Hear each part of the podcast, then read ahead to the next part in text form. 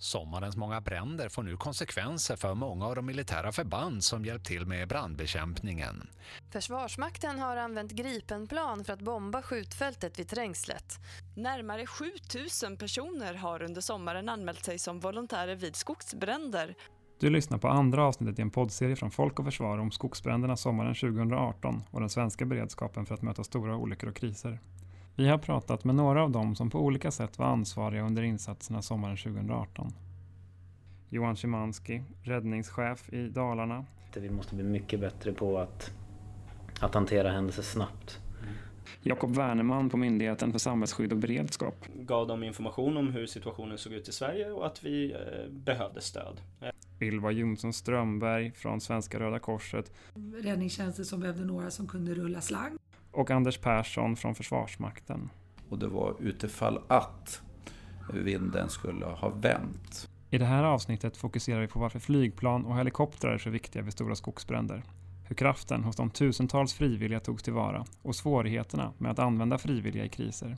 Men också hur den extrema situationen i Dalarna och Trängslet krävde nya och oprövade metoder för att släcka bränderna. Jakob Werneman kanske som värst så hade vi ju alltså situationen i landet. Eh, så var det ju väldigt ansträngd situation där vi ju hade eh, i, i, mitten, slutet av juli så hade vi ju tre omfattande skogsbrandsområden i Gävleborg, Dalarna och Jämtland. Med eh, lokal räddningstjänst eh, med stöd ifrån allehanda aktörer inklusive MSB och internationella resurser. För att begränsa de bränderna. Eh, samtidigt som vi hade extrema brandriskvärden i, i princip nästan hela landet. Och vi var väldigt oroade över eh, risken för en ny stor brand. Samtidigt som vi hamnade i en situation där eh, räddningstjänstresurserna eh, började bli utmattade. Mest kritiska skedet så planerade vi hela tiden för hur kan vi säkerställa att det finns en, en kapacitet för att klara av en eller två nya stora bränder. Och när det var som allra värst så var vi inte övertygade om att vi hade klarat av det.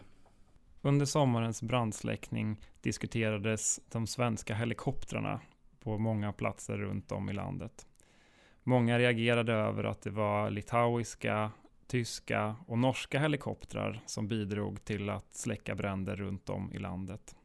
Försvarsmakten är en av de myndigheterna som har ett stort antal helikoptrar och några av dem är även utrustade för att kunna släcka bränder. Men hur ser Försvarsmaktens förmåga ut? Vilken beredskap har man och vad har man för begränsningar? Anders Persson, överst i Försvarsmakten och chef för produktionsstabens flygvapenavdelning, säger så här. Eh, jag har ju två olika större medeltunga helikoptrar. Då, helikopter 14 som heter NO90 eh, som är en helikopter, en större helikopter, medeltung helikopter där vi har en brandtunna under då, som kan ta ett visst antal kubik eh, vatten. Och så har vi helikopter 16 som heter Blackhawk då, som har en motsvarande tunna. Och det man gör är att man åker till en, en, eh, en sjö i närheten som är tillräckligt djup eh, och lyfter den här dryga kubiken vatten. Och sen så åker man då och har samtalat då med antingen direkt över radio med flygsamverkanspersonalen som pratar med räddningsledaren eller lokalt med de eh, hemvärnsmän och brandsoldaterna som är, brandmännen, förlåt, brandmännen som är på marken att, att här behöver vi hjälp, här håller elden på att bryta igenom och då åker vi dit och så släpper man vattnet helt enkelt på den platsen. Så att det, det är så det går till eh, med de resurserna vi har. Hur många piloter har ni som är utbildade i brandbekämpning? Vi har ett ungefär tiotal eh, besättningar ungefär som är utbildade på det här. Eller som har den erfarenheten, ska man väl säga. Mm.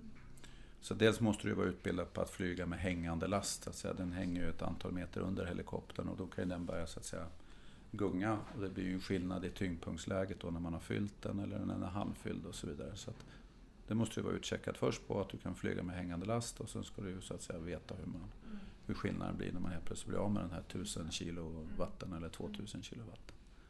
Eh, så, att, så att det är någonting man behöver öva på helt enkelt om man ska göra det här på ett bra sätt. Mm. Räckte det antalet piloter som ni har utbildade till det behovet som fanns under sommaren?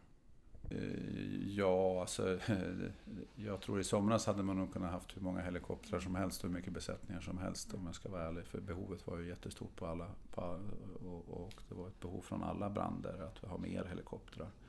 I sommarens medierapportering framkom att Försvarsmakten inte skulle ha använt alla de helikoptrar som finns för att kunna bekämpa bränder. Stämmer det? Ja, absolut, det stämde. Därför att dels är det ju så att vi har ju så att säga beredskapsuppgifter för helikoptrarna som vi löser dagligdags. Och den, eh, vi kan ju inte flytta de helikoptrarna som står i beredskap bland annat till polisen för, för andra uppgifter.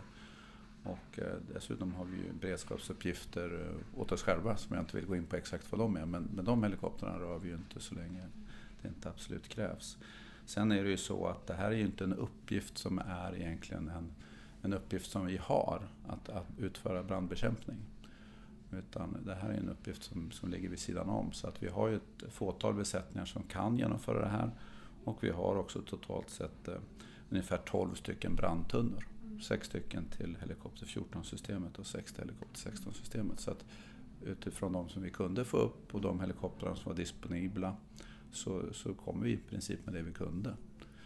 Eh, det handlar ju också om att tidigt inse att ska vi åka med allt vi kan då kan vi hålla på ett antal dagar och så blir det ingenting. Mm. Eller försöka tänka att om det, det blir fler bränder, för det var ju väldigt så att det blossade upp hela tiden. Mm.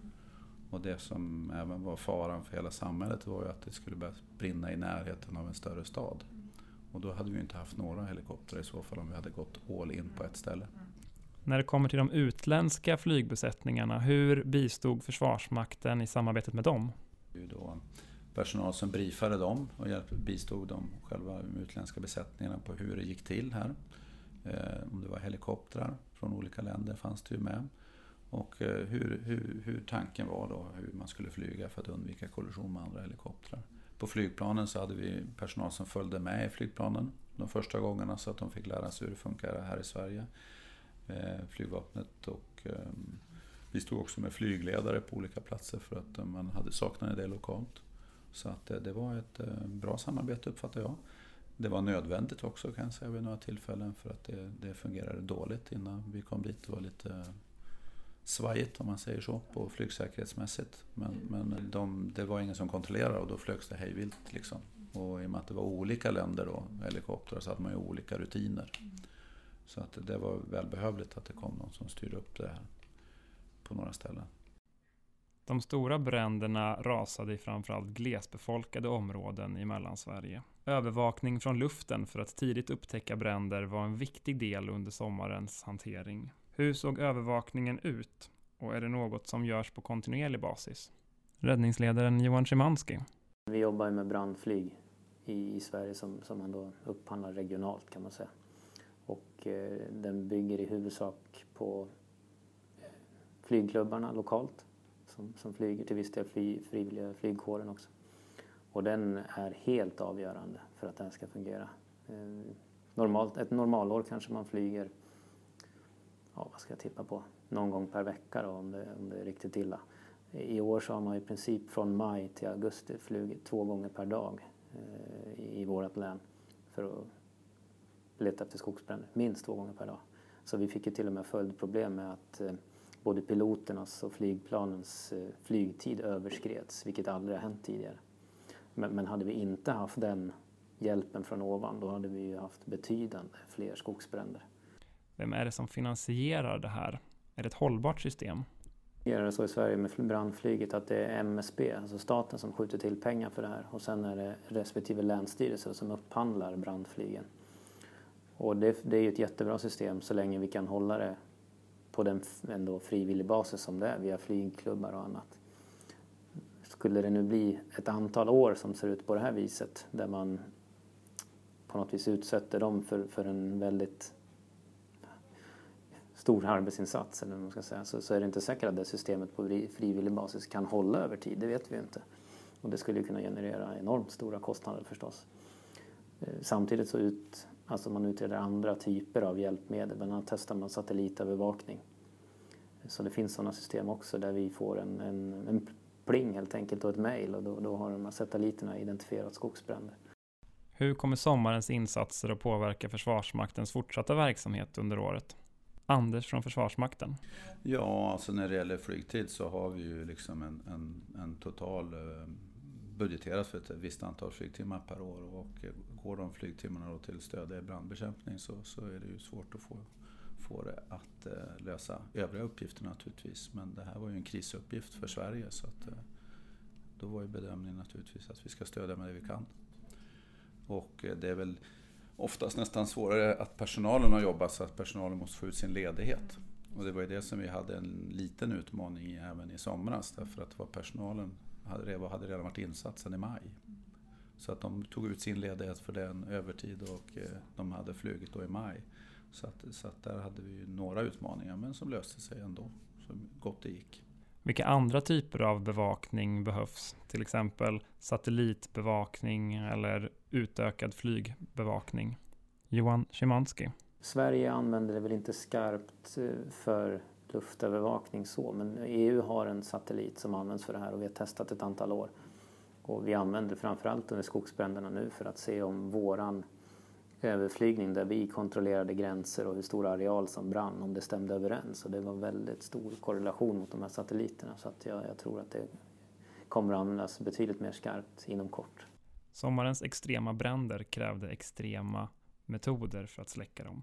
En av de mest uppmärksammade metoderna var bombsläppningen över skjutfältet i Trängslet. Är det så att man kan bomba bort en brand? Johan Szymanski. Ja, bevisligen kan man det efter de prov och test vi har gjort. Det, det, vi, eh, vi tittar ju på olika omfallsplaner utifrån vad som skulle kunna tänkas hända. Och då hade vi ett worst case då, som vi planerade utifrån. Och det var i princip att vi skulle få spridning i, i sydlig riktning. Eh, där branden skulle gå under en väldigt lång tid över målområden. Alltså där vi inte kan påverka branden på grund av riskerna för detonation. Och då tillväxer en brand som en tårtbit kan man säga, alltså den exponentiellt. Vilket betyder att när den kommer ut sen från skjutfältet och vi väl kan börja attackera den med, med traditionell brandsläckning.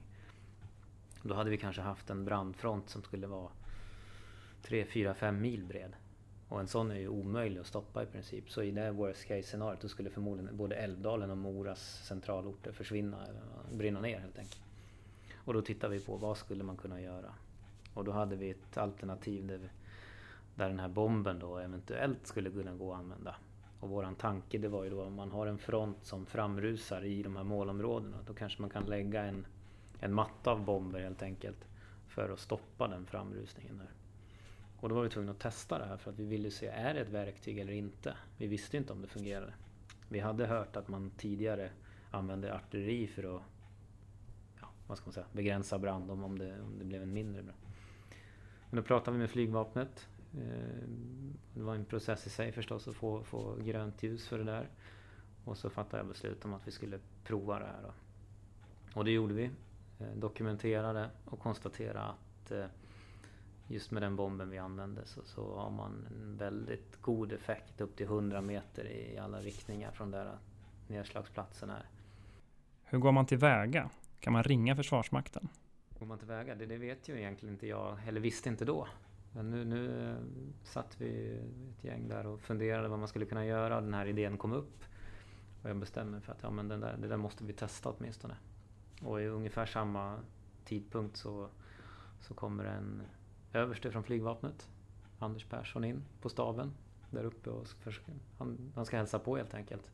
Så jag sätter mig med honom och eh, förklarar idén, syftet och vad det är vi vill göra och varför. Och eh, han förstår precis. Tar kontakt naturligtvis med, med, med sina chefer och informerar ÖB och annat och eh, vi får grönt ljus och testa det här. Och sen följer naturligtvis en ganska lång process av riskanalyser och andra bedömningar som vi måste göra innan och hur, hur vi ska hantera alla utmaningar, bland annat få ut folket därifrån. Man vill ju inte gärna ha några brandmän där när man ska släppa en bomb exempelvis. Och sen var det här i, i huvudsak hemligt. Så vi kunde heller inte informera någon i personalen om varför vi höll på med det här. Så dagen innan det här skulle ske så informerade jag min stab om att imorgon klockan 9.30 så ska det genomföras en utrymningsövning. Och då trodde de flesta förmodligen att nu har det slagit slint för Johan och nu är det dags för honom att åka hem. Men jag lyckas övertyga dem, eller lyckas, jag sa att lita på mig. Eh, för ni kommer förstå sen och det gjorde de. Och det var ingen som tyckte det var konstigt i efterhand. Hur hanterar Försvarsmakten en begäran om att släcka bränder med bomber? Anders från Försvarsmakten. Jag som, som ansvarar för den, så att jag var där uppe på plats där och, och eh, påbörjade tidigt en dialog då med den lokala räddningsledaren eh, som hade börjat som ett, eh, en, en, en officer som hade nämnt att förr i tiden så hände det att man sköt med artilleri på skjutfält och då började det brinna och då kunde man skjuta en, en lite mer artilleri. Så, så använde man tryckvågen från artillerigranaterna och släcka med. Och sen i den diskussionen så kom det fram att skulle man inte kunna släppa en bomb istället. För det fanns ju inga artilleripjäser i närheten. Och det kom där på den, jag var uppe över helgen där, så på lördagen då så hade jag en dialog och sedan så tittade vi på om det var möjligt. Och, på, och sen kunde vi svara, han räddningsledaren, jo det är möjligt att vi kan fälla den här bomben på måndag, tisdag där någon gång. Och sen fällde vi den på onsdagen om jag kommer ihåg rätt. I ett försök ska man komma ihåg, det här var ett prov. Och det var utifall att vinden skulle ha vänt eh, så, så befarade räddningsledarna en, en, eh, en eh, exponentiell utbredning av elden. För det brann ju inne på skjutfältet och där kan man inte gå och släcka. Och då när elden skulle ha kommit igenom det här området där man inte kunde släcka så hade den kunnat brett ut sig så mycket så att den skulle vara ostoppbar. Och i det fallet så skulle vi då ha använt bomber då eventuellt. Och för att prova det så, så släppte vi en bomb då på det här stället tillsammans med räddningsledaren som, som eh, med brand, sina brandingenjörer och brandexperter då, och våra experter då hade bestämt att vi släpper den där och sen så hade vi anlagt bränder i ett redan utbrunnet område så att det inte fanns någon risk för att det skulle spridas olämpligt. Och sen så hade vi eh, en stor brand som hade, de hade anlagt, räddningsledaren, och sen anlade vi bränder på 50, 100, 150 meter för att titta då hur långt ut det släcktes. Och eh, i den utvärderingen som vi genomförde stod direkt på plats från helikopter så såg vi att det släckte ut till 100 meter. Hur ovanlig är den här metoden? Den är inte använd någon gång, vad jag vet. Eh, sprängmedel har man ju använt för att släcka exempelvis eh, vid oljeplattformar som brinner okontrollerat. Men då vet man ju, det är ett väldigt begränsat område. De allra flesta som arbetade i de svenska skogarna under sommaren kom från den kommunala räddningstjänsten. Men tusentals frivilliga från hemvärnet, frivilliga försvarsorganisationer och andra frivilliga organisationer, näringsliv och spontana frivilliga bidrog till att bränderna kunde släckas. MSB gav tidigt under sommaren Röda Korset i uppdrag att samordna de tusentals spontant frivilliga som erbjöd sin hjälp under sommarens insatser. Varför gjorde MSB det? Hör Jakob Wernerman. Nej men överlag så, så såg vi ju eh, i ett tidigt skede och också utifrån våra erfarenheter från både branden i Västmanland men även under flyktingsituationen att eh, det finns ett behov av en effektiv eh, samordning utav frivilliga insatser. Eh, och då särskilt eh, av, bortom den samordning av frivilliga organisationer som sker på kommunal och regional nivå så såg vi även ett behov av en samlad hantering utav spontanfrivilliga. Eh, och att det finns, det vet vi med oss av erfarenheten, finns en otrolig kraft i, i, i den resursen av spontanfrivilliga. Och samtidigt så ser vi, såg vi det som naturligt att en organisation som Svenska Röda Korset med sin storlek, med sin närvaro runt om i landet Ehm, kunde agera som en samordnare eh, av de här spontanfrivilliga. Så vi upprättade ett avtal eh, i dialog med dem om, om att de skulle ta på sig det ansvaret. Eh, och någonting som vi också såg från vårt håll att man gjorde eh, väldigt väl ifrån Svenska Röda Korset. Eh, omfattningen på på, på, de, på de insatserna var, var stora. Ylva Jonsson Strömberg, enhetschef för krishantering och beredskap på Röda Korset om uppdraget från MSB att samordna de spontanfrivilliga. Hur gick det egentligen till när Röda Korset fick uppgiften? Spontanfrivilliga är ju en enorm tillgång om de hanteras på rätt sätt och kan vara eh, liksom i vägen om de inte hanteras på rätt sätt. Eh, och att därför, och när det här blev, som det blev ju oerhört massmedialt naturligtvis med bränderna i somras, så insåg nog MSB att det kommer att vara massa spontanfrivilliga och kan vi göra det här på ett mer organiserat sätt. Mm. Då ringde de oss och frågade, kan ni, är ni, skulle ni kunna tänka er att ta det här uppdraget? Och vi sa då, ja det gör vi. Hur fungerade samordningen? Ja men det funkade, eh, alltså jag ska säga det funkade fantastiskt bra om man liksom tittar det här lilla. Vi, vi fick uppdraget den 18 juli. Den 19 juli så fanns det ett webbformulär uppe eh, som man som frivillig, om man ville göra en insats i skogsbränderna, kunde anmäla sig. Eh, eh, totalt under de fyra veckor som vi hade uppdrag för MSB så kom det in drygt 6000 namn på de listorna som folk anmälde sig. Av dem så matchade vi ihop 888 stycken. Skickade vi liksom till olika räddningstjänster och andra organisationer som sa vi har behov av det här. Och det var ju allt från eh, räddningstjänster som behövde några som kunde rulla slang eh, till några som behövde hjälp med stabsarbeten. Så där matchade vi, skickade ut 54, på 54 olika förfrågningar skickade vi ut 888 namn. Eh, vi vet idag inte hur många av dem som de facto gjorde en insats. För det har, vi har, räddningstjänsten har inte rapporterat det tillbaks till oss men vi har en enkät ute hos de 888. Vi plockade även själva folk från de listorna som vi, vi använde i Röda Korset. Och, och när vi liksom matchade ihop folk där på det här spontanfrivilliguppdraget så var det liksom, vad har du för kompetens? Men också en, alltså en stor faktor var, var bor du? För det är klart att bor du i Dalarna och har samma kompetens som någon som bor i Malmö har samma kompetens, då, då matchade vi den från Dalarna för att då är en hel del av logistikproblemen lösta. För att eh, ju mindre folk som kommer utifrån desto mindre sängar behöver man hitta. Liksom. Och då kan man fokusera på att hitta boende till brandmännen som hade behov av det.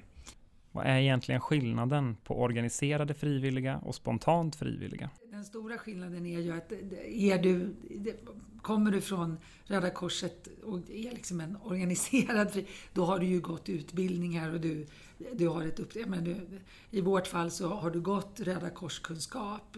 Eh, jobbar du som första hjälpare så har du gått en gedigen första hjälpen-utbildning. Jobbar du som krisstödjare så har du gått en gedigen krisstödjarutbildning. Eh, du, du kan Röda Korset, du förstår vår organisation. Som spontanfrivillig så då dyker du upp och vi eh, talar om för dig, det här är Röda Korset. Och då, skillnaden blir ju att eh, vi sätter ju inte dig som spontanfrivillig att sköta krisstöd åt någon. För det måste du ha en utbildning för att göra.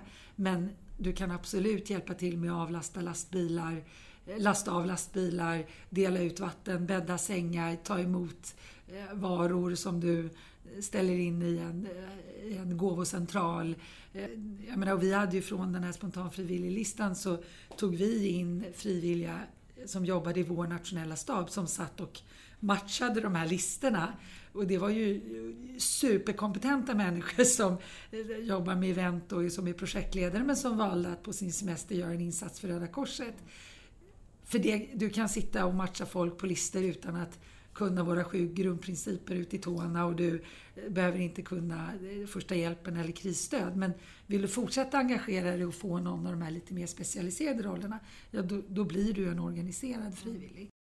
Hur arbetar Röda Korset proaktivt i kriser och fattar sina egna beslut? Och hur mycket är organisationen beroende av direktiv från det offentliga, till exempel kommuner, länsstyrelser eller andra myndigheter? Nej, eh, så här, i de bästa av världar så har vi en så tät dialog med kommunen och länsstyrelsen och så fungerar det över hela världen för Röda Korset. Att, att vi, vi har ju ofta en väldigt tät dialog med myndigheterna och de ska veta vad vi gör. Jag menar det, ehm, eh, och där många av våra kollegor runt om i världen har, har en bättre relation med sina kommuner och motsvarighet till Länsstyrelsen än vad vi har i svenska Röda Korset. Så att de vet vad, vad Röda Korsets roll är och så att när det händer någonting så är det naturligt att man hör av sig och Röda Korset dyker upp. Men, eh, och här, är, här har vi också en skillnad mellan Röda Korset och till exempel de frivilliga resursgrupperna. För de, de frivilliga resursgrupperna är ju liksom kommunens frivilliga. Men när våra frivilliga åker ut och jobbar, då är de fortfarande Röda Korsets frivilliga. Och, eh, så att vi skulle kunna vara i en kris och så tycker vi att kommunen inte gör det de borde göra. Då startar vi en insats. Och det gör vi, då informerar vi kommunen att nu tänker vi göra det här. Hur skulle du jämföra ert arbete under sommarens bränder med Röda Korsets arbete under branden i Västmanland 2014? Men som dag och natt skulle jag vilja säga. Det, eh, dels eh, vi var, jag menar, vi var mycket mer med i samordningen. Vi såg som en del av insatsen och det gjorde att vi gjorde rätt saker. Eh, eh, det var ganska rörigt i Västmanlandsbranden. Eh, vi har mycket bättre pejl på vad vi tycker att vi ska göra. så att vi kan också vara mycket tydligare med att det här är vad vi gör och det här är vad vi inte gör. Så, så att, stor skillnad. Men det har nog det har dels med oss själva att göra att vi är bättre organiserade och vi har lärt oss massor från Västmanlandsbranden och till eh, flyktinginsatsen och nu till det här. Eh, men även Sverige har ju lärt sig massor. Jag menar, det är jättestor skillnad på hur brandförbunden eh, samarbetade nu och hur länsstyrelser samarbetade och på vilket sätt MSB tog ett mer kanske koordinerande roll än vad de gjorde förut. Så det stor skillnad. När så många frivilliga vill ställa upp och hjälpa till ställer det naturligtvis stora krav på samordningen. Hur hanterar räddningstjänsten alla de resurser och hur går det till i praktiken? Räddningsledaren Johan Szymanski. Ja, alltså vi, vad gäller frivillighet så har vi inget bra system idag i landet, i någon räddningstjänst vad jag vet, där man kan ta emot frivillighet. Eh, så i början av de här insatserna så, så försökte vi ta hjälp av kommunerna för att då koordinera det på något vis.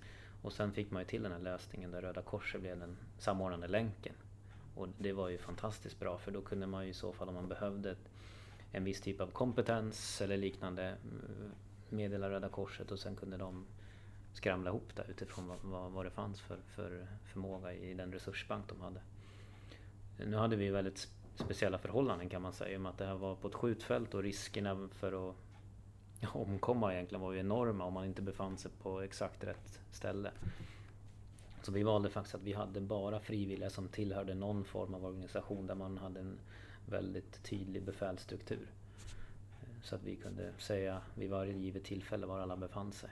Så det, det var ju i, i huvudsak då alltså bilkåristerna, hemvärn och liknande.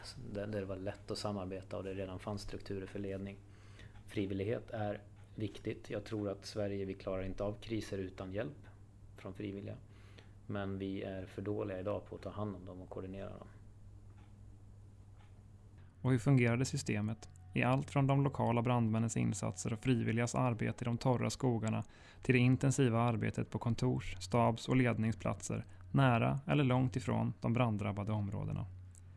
Berättelserna från de som var med sommaren när Sverige brann kommer nu utvärderas och lärdomar ska dras. I nästa avsnitt av podden kommer vi att ta upp vilka erfarenheter som redan nu är tydliga. Vad vet man måste åtgärdas och vilka förändringar av den svenska beredskapen behövs på längre sikt och hur ska det gå till? Tydligt är att den torra och eldfängda sommaren 2018 kommer att påverka Sveriges krisberedskap för lång tid framöver. Jakob på MSB Även om jag håller med att vi kontinuerligt ska fortsätta att jobba med att stärka den svenska beredskapen för sådana här typer av situationer ska vi komma ihåg att det här var en extrem situation. Vi har inte varit i närheten de senaste hund, flera hundra år att ha en lika omfattande skogsbrandssituation i Sverige. Torkan och det som uppledde till det, det, det var extremt. Så låt oss vara klara med att det här är en extremhändelse, som visserligen det finns indikationer på att det kan bli vanligare i framtiden. Men det var en extrem händelse av en magnitud som vi inte har sett tidigare som vi hanterade. Så jag skulle till och med vilja sticka ut saken, hakan och säga att vi som system tillsammans hanterade väl. Du har lyssnat på andra avsnittet i en poddserie från Folk och Försvar om skogsbränderna sommaren 2018. Flera avsnitt i serien finns på folkochförsvar.se, Soundcloud eller där poddar finns.